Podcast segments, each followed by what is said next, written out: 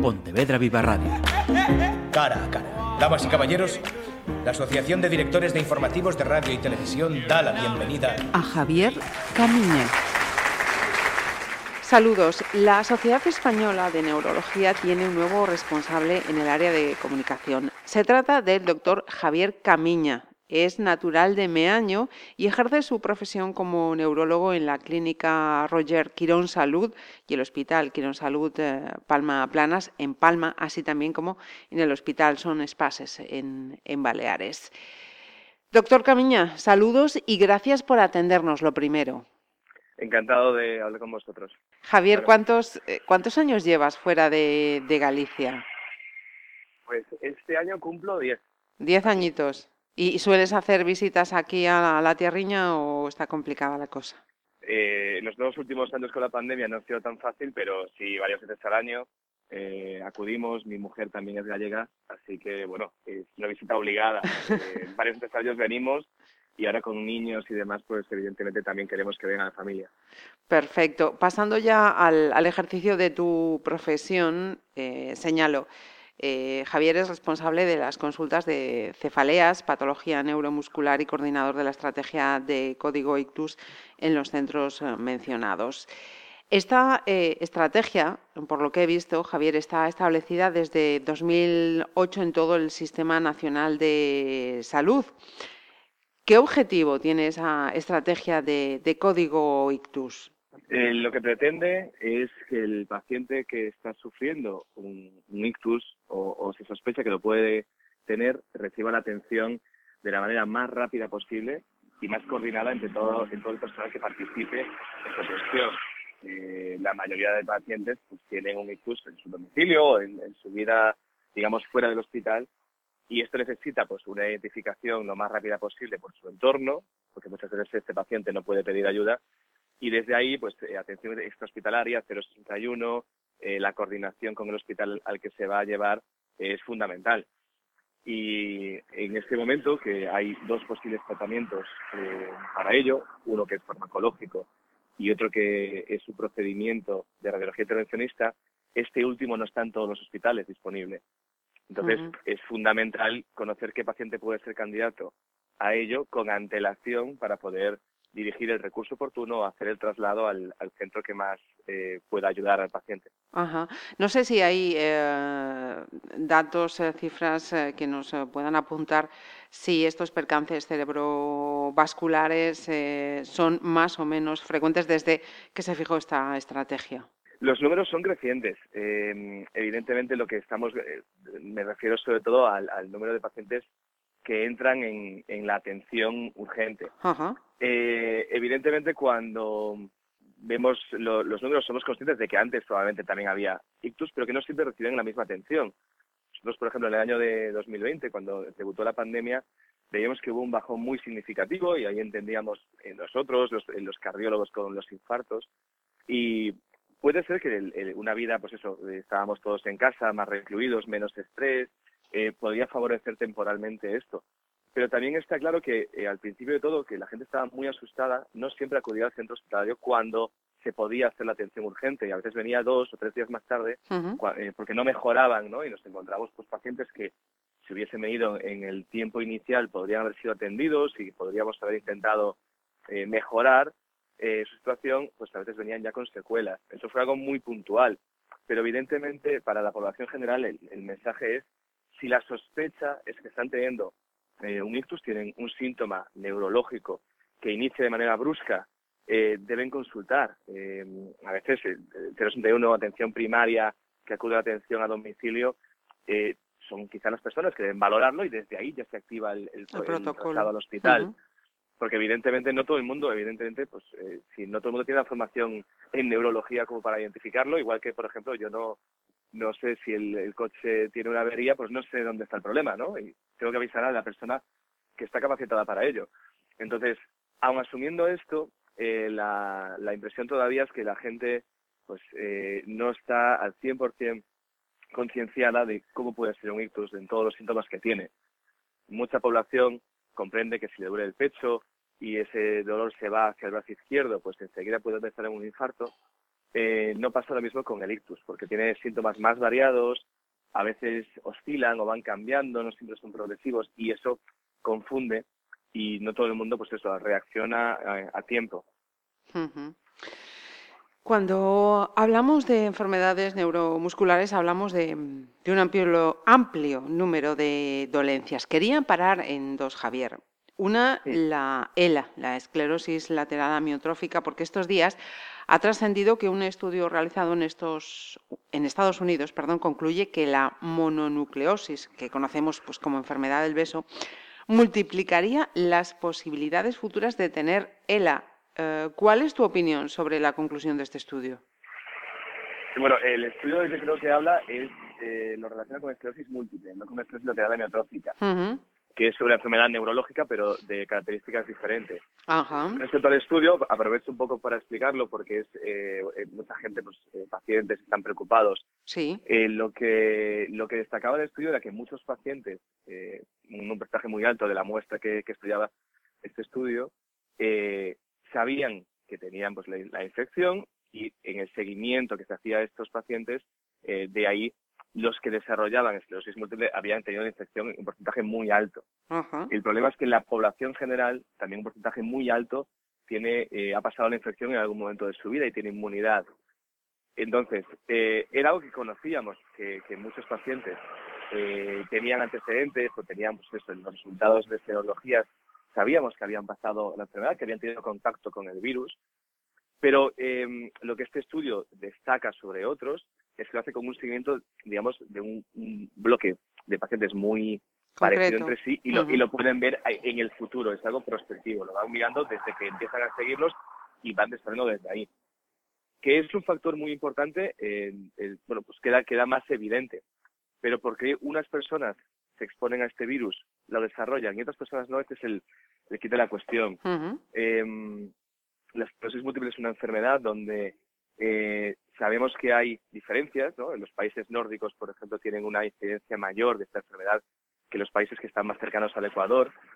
Y eso, eh, bueno, plantea varias hipótesis. Eh, respecto a la infección por el virus de Epstein-Barr, eh, las hipótesis que, bueno, pueden referir esto varían entre si la infección es, por ejemplo, se, se tiene en la infancia o en la adolescencia.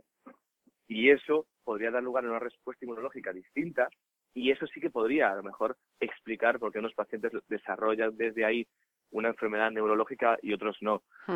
Pero, insisto, eh, mucha población tenemos inmunidad eh, por haber tenido contacto con el virus y la, frecuencia de la enfermedad es muy, muy, muy baja. Entonces, hay que tener en cuenta que no todo el mundo que tenga la enfermedad del beso, por decirlo así, para nada va a tener esclerosis va a desarrollar.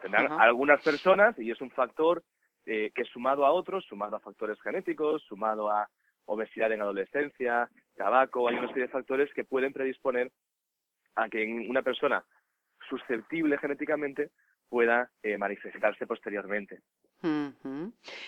Otra enfermedad en la que quería parar y además eh, con mayor justificación en este contexto pandémico en el que estamos, la fibromialgia, una enfermedad de la que se sigue hablando en términos de desconocimiento de, causas y que con la llegada de la COVID parece eh, descubrirse una sintomatología similar en lo que se ha denominado, vaya, como estoy hoy, COVID persistente. Estos eh, pacientes, la mayoría además eh, mujeres, han conseguido ya un diagnóstico más rápido y tratamiento eficaz en lo que es la fibromialgia. Dejamos a un lado el tema COVID, que luego también preguntaré.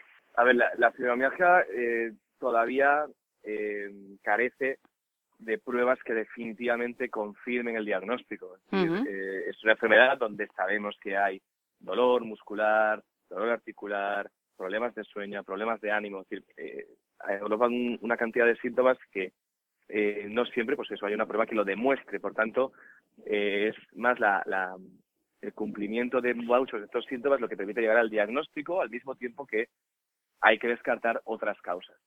Eh, con la infección por COVID se ha visto pues cuadros eh, similares a, la fibromialgia en cuanto a dolor crónico persistente, dolor de cabeza, dolor muscular, que lo dan también otras enfermedades infecciosas. Eh, la, enfermedad de Lyme, que en España no es tan frecuente, pero por ejemplo en Estados Unidos, en, Centro Europa, es más habitual también deja en el largo plazo quejas muy similares, dolor muscular, articular, donde a veces es muy difícil eh, estar seguro de quién lo padece, eh, por qué motivo y de qué manera, ¿no? La, cuantificación es complicada y a veces son pacientes que están un poco desamparados, ¿no? donde no, no todo el mundo les da una solución. La fibromialgia eh, cae en varios despachos, digamos, al mismo tiempo, lo, atiende especialistas en reumatología, en neurología, en unidades del dolor, evidentemente la atención primaria hace un seguimiento a largo plazo, cuando hay tanta queja a veces de articular también les de traumatología. Y son pacientes donde el no disponer de, una seguridad diagnóstica 100% o una prueba que lo cuantifique, eh, a veces eh, se encuentran con la incomprensión del entorno. Eh, entonces, es verdad que es un, es un tipo de paciente que donde la experiencia de, de esta enfermedad, que, que tiene pues eso, una presencia importante, el, el, el síndrome post-COVID o el COVID persistente, sí que comparte algunos síntomas respecto a ello. De todas maneras, es, es un campo en desarrollo el, COVID persistente porque eh, lo que sabíamos en 2020 eh, no está siendo tan igual en 2021 porque estamos tratando la enfermedad de maneras diferentes. Eh, la primera ola había, por ejemplo, una, una cantidad muy importante de complicaciones trombóticas que como se fue viendo eso, se empezó a tratar con anticoagulación en, las siguientes olas y ya no vemos con esa frecuencia problemas como trombosis o ictus que había al principio. Eh, con el uso de corticoides, que se empezó sobre todo en la segunda ola de manera más intensiva, estamos viendo cómo los patrones respiratorios están siendo diferentes también. Y evidentemente hay de toda la población que, por desgracia pues está eh, teniendo contacto con la infección, estamos viendo pues personas que desarrollan cuadros diferentes, sobre todo patología eh, pulmonar, eh, que bueno, que les da fatiga, que les da cansancio, que les de falta de aire, eh, y bueno, desde ahí estamos viendo que las manifestaciones son ah, diversas, pero sí que es cierto que en el largo plazo sabemos, llevamos una experiencia de casi dos años. No sabemos cómo será esto dentro de cinco, dentro de diez. En neurología, por otras enfermedades donde hay una infección y luego se desarrollan síntomas neurológicos, hay enfermedades que eso, que es diferente que sea en el primer año, los primeros cinco años o posteriormente. Entonces, yo aconsejaría prudencia. Mm. Es verdad que comparte síntomas con, con, con otras enfermedades, pero aún así estamos en un campo donde todavía falta mucho por conocer y por tanto puede haber esto cambio. Creo que me, que me acabas de responder también a la siguiente pregunta que te, que te iba a plantear, que la respuesta es prudencia, porque eh, quería mm, trasladarte algo que había leído y que dice que los daños que puede dejar a, largo plazo la, la COVID, eh, los más preocupantes serían en el ámbito neurológico. Entonces, creo que tu, tu respuesta podría ser prudencia.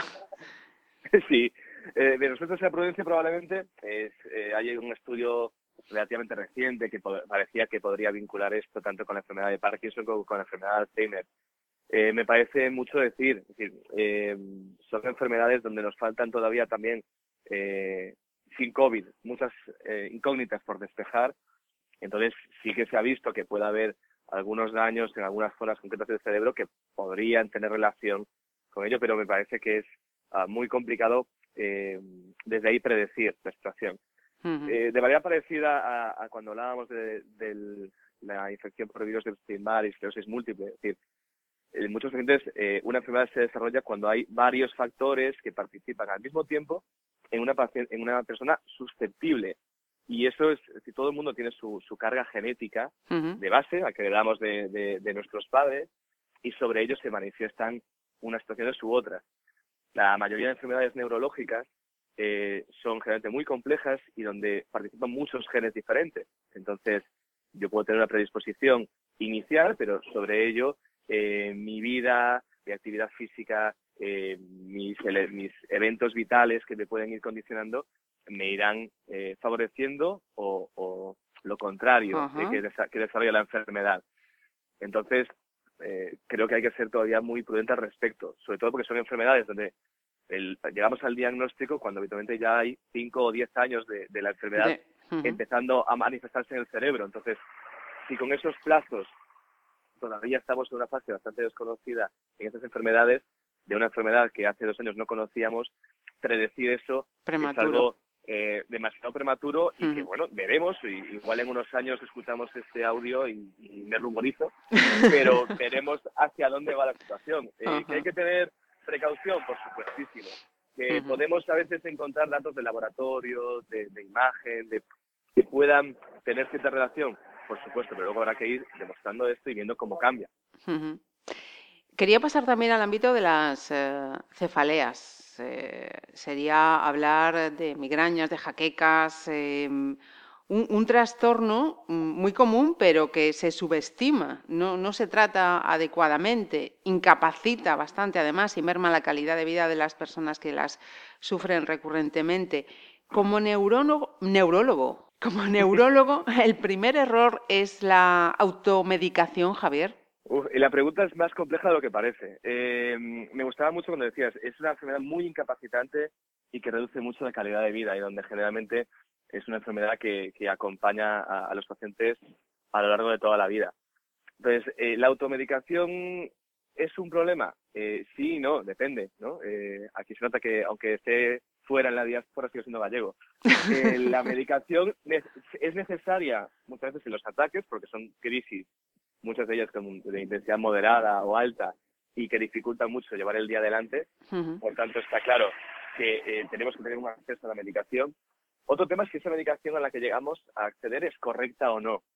Entonces, que una persona eh, que, identifique sus ataques, que sepa cómo son, eh, que tome medicación oportuna para que le saque la crisis o que la corte lo máximo posible que pueda continuar con su vida, eso en cierto modo es positivo, pero al mismo tiempo es, depende de qué fármaco accedamos, si por ejemplo si el beneficio del fármaco no es completo, eso va a hacer que tomemos más medicación de la que nos conviene algunos fármacos a los que pueden tener acceso en casa pueden no ser convenientes, ¿no? La gente tiene un analgésico que le receta a lo mejor otro especialista por otro motivo y ese fármaco puede a lo mejor generar problemas en el medio largo plazo para el dolor de cabeza. Sobre todo es por el tema del abuso. Entonces, en general, el, consejo es para una persona que tenga dolores de cabeza eh, moderados o intensos o frecuentes, o por desgracia las dos al mismo tiempo, esta persona probablemente va a necesitar atención médica atención primaria suele ser la, puerta de acceso al sistema y, por tanto, conviene que identifique el paciente que no alivia bien las crisis. digamos que la primera manera, digamos, de tratar las migrañas en dolores leves es con antiinflamatorios, que mucha gente tiene en su casa. A partir de ahí, eh, si tiene que ser más intensas, hay medicaciones más específicas de migraña, que son los triptanes, que atención primaria los puede, los puede empezar, pero a veces llegan a, a la consulta de neurología y es ahí donde se empieza. Claro, la persona que no consulta ni a un nivel ni a otro, probablemente va a estar tomando el fármaco al que tiene acceso en su casa. Y ahí probablemente es donde está el problema. Tiene una medicación que no siempre le va a bastar, acabará tomando mucha y genera problemas, pues eso, como la cefalea por uso excesivo de medicación. Pero sobre todo, es, siendo una enfermedad que es tan incapacitante y que reduce tanto la calidad de vida, el, consejo es, si es frecuente o es eh, muy incapacitante las crisis en cuestión, deben consultar al médico, en este caso atención primaria, habitualmente después dirigida a la consulta de neurología cuando vea que, necesita un ajuste más específico. Pues se nota que Javier está muy habituado a que le hagan estas preguntas porque ya me ha respondido la que le iba a hacer. Cuando recurrir al médico nos la acaba de explicar perfectamente. Así que voy con la última parte, Javier, en la que quería entrar porque he visto que participas también en grupos de estudio de la Sociedad Española de Neurología de Conducta y Demencias.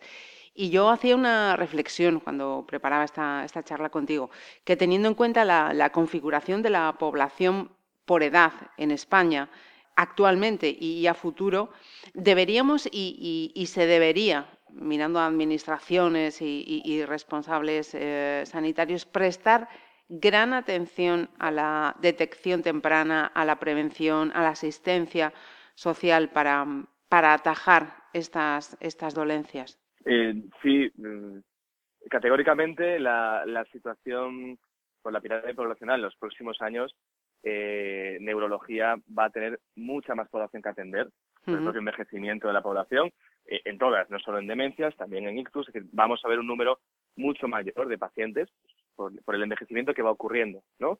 Eh, entonces, eso ya es una situación donde tenemos que plantearlo desde el punto de vista asistencial, atención primaria, neurología, hospitales en general, eso tiene, hay que, tiene que estar muy claro. Pero también, sobre todo, lo, decía antes, asistencia. Es decir, eh, hasta ahora, al menos España era un país mediterráneo donde la familia se encargaba de mucha parte de los cuidados, pero estamos viendo que eh, nos desplazamos hacia un modelo de sociedad donde no todo el mundo eh, tienen, conviven con su familia, hay muchas personas que viven solas y no todo el mundo va a recibir la misma asistencia, ¿no?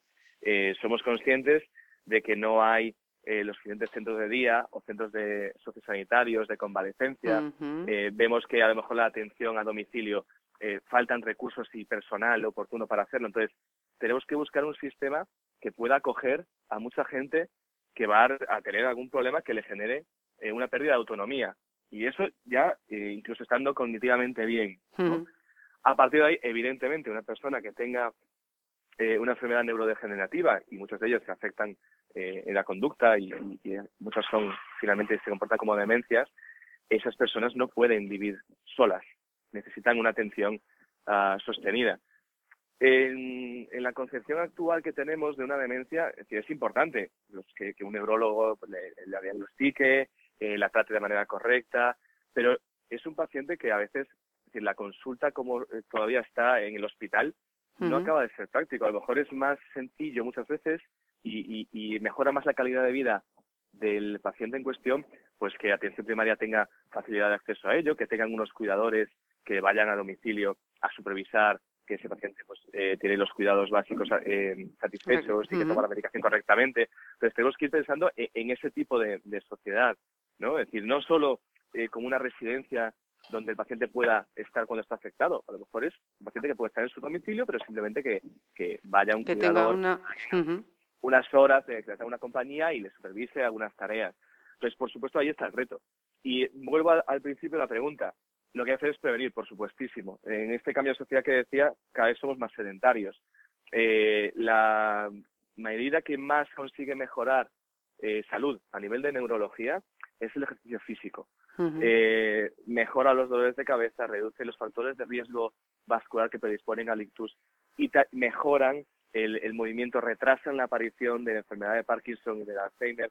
Pues algo que globalmente tiene tantos beneficios y que podemos hacerlo eh, para que en el largo plazo nos reduzca el riesgo las cosas es lo que tenemos que hacer. Entonces, eh, buscar, bueno, en este caso, por ejemplo, Pontevedra, ¿no? Una ciudad donde se puede caminar para hacer la vida del día a día, eso ya es una medida de prevención. El urbanismo es una medida oportuna. A partir de ahí, evidentemente, pues una vida donde tengamos el tiempo suficiente para poder eh, caminar, eh, hacer bicicleta, nadar, tener una actividad física a diario o, cinco días por semana sería ideal. Y es una gran prevención. Evidentemente, evitar tabaco, evitar alcohol, por supuesto que son situaciones donde todo esto a nivel cognitivo a largo plazo nos va a convenir. Y aprovechando un poco el tema de la pandemia, lo que nos ha afectado, eh, hemos visto muchos pacientes que con la pérdida de contacto social se ha deteriorado mucho en estos dos últimos años. Estamos viendo muchas consultas de esta persona de 80 y eh, hasta febrero de 2020 hacía una vida autónoma y desde entonces ha ido perdiendo capacidades y lo vemos muy a menudo.